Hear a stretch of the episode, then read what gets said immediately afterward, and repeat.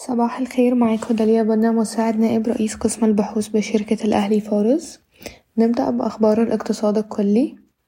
انخفض مؤشر الصناعات التحويلية والاستخراجية باستثناء النفط الخام والمنتجات البترولية خلال شهر يناير بنحو اتنين فاصل ستة في المية ليصل إلى مية وخمسة فاصل سبعة نقطة مقابل مية وتمانية فاصل ستة نقطة في ديسمبر السابق.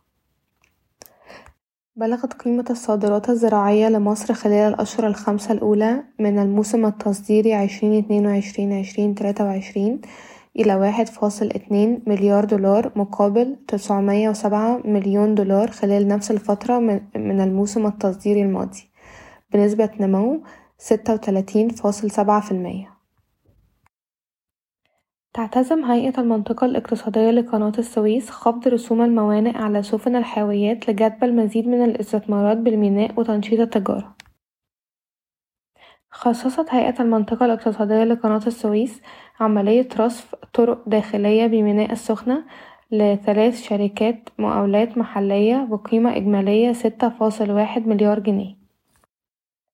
وقع الصندوق السيادي المصري اتفاقية مع شركة عقارية محلية حديثة التأسيس لإعادة تطوير المقر السابق لوزارة الداخلية. ستستثمر A Developments 800 مليون جنيه في المشروع. تهدف وكالة تنمية المشروعات الصغيرة والمتوسطة إلى تخصيص تلاتة فاصل واحد مليار جنيه مصري خلال عام عشرين تلاتة وعشرين لتحفيز المشروعات الصغيرة. أما بالنسبة لأخبار الشركات وافقت هيئة الرقابة المالية على عرض شركة إيجل للكيماويات بالاستحواذ على خمسة وسبعين لمية في المية من أسهم شركة باكين بزيادة بزيادة جنيه مصري عن عرض الشركة الوطنية للأسباق القابضة. سيحصل المساهمون في شركة باكين على نافذة لمدة عشر أيام لبيع أسهمهم لشركة Eagle Chemicals. سيتم فتح عرض المناقصة الإلزامي بمجرد نشر الشركة للإعلان.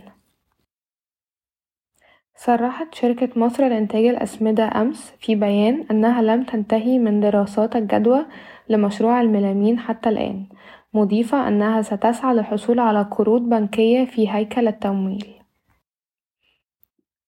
وشهدت أسعار الدواجن انخفاضًا ملحوظًا بنحو عشرة لاتناشر جنيه للكيلو منذ بداية شهر رمضان بسبب تراجع الطلب مدعومًا بتخزين منتجات الدواجن قبل شهر رمضان. تخطط الشركة القابضة للأدوية المملوكة للدولة لبناء خمسة مصانع جديدة بالشراكة مع شركات القطاع الخاص وستتطلب التسهيلات استثمارات تقدر بنحو اتنين فاصل خمسة مليار جنيه ستقدم الوكالة اليابانية للتعاون الدولي جايكا أربعة وأربعين مليار ين ياباني وهو ما يعادل ستة وتلاتين فاصل تلاتة مليون دولار أمريكي في شكل تمويل ميسر لدعم نشر نظام التأمين الصحي الشامل بموجب اتفاقية تم توقيعها مع وزارة المالية أمس. تقوم هيئة الرقابة المالية بمراجعة دراسات القيمة العادلة لمشغلي محطتي دمياط وبورسعيد المملوكتين للدولة قبل بيع حصص في الشركتين. وافق مجلس إدارة شركة المصرية للاتصالات على طلب المهندس عادل حامد من إعفائه من منصب العضو المنتدب والرئيس التنفيذي لتولي منصب جديد في وزارة الاتصالات وتكنولوجيا المعلومات.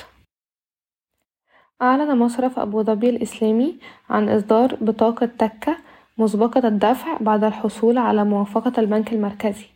سيتم إصدار البطاقة بالتعاون مع ميزة وشركة أبوظبي الإسلامي للتمويل الاستهلاكي. تعلن شركة EFG Hermes الانتهاء من الإصدار الثامن من سندات التوريق لشركة Premium International بقيمة مية تلاتة وتسعين فاصل سبعة مليون جنيه مصري.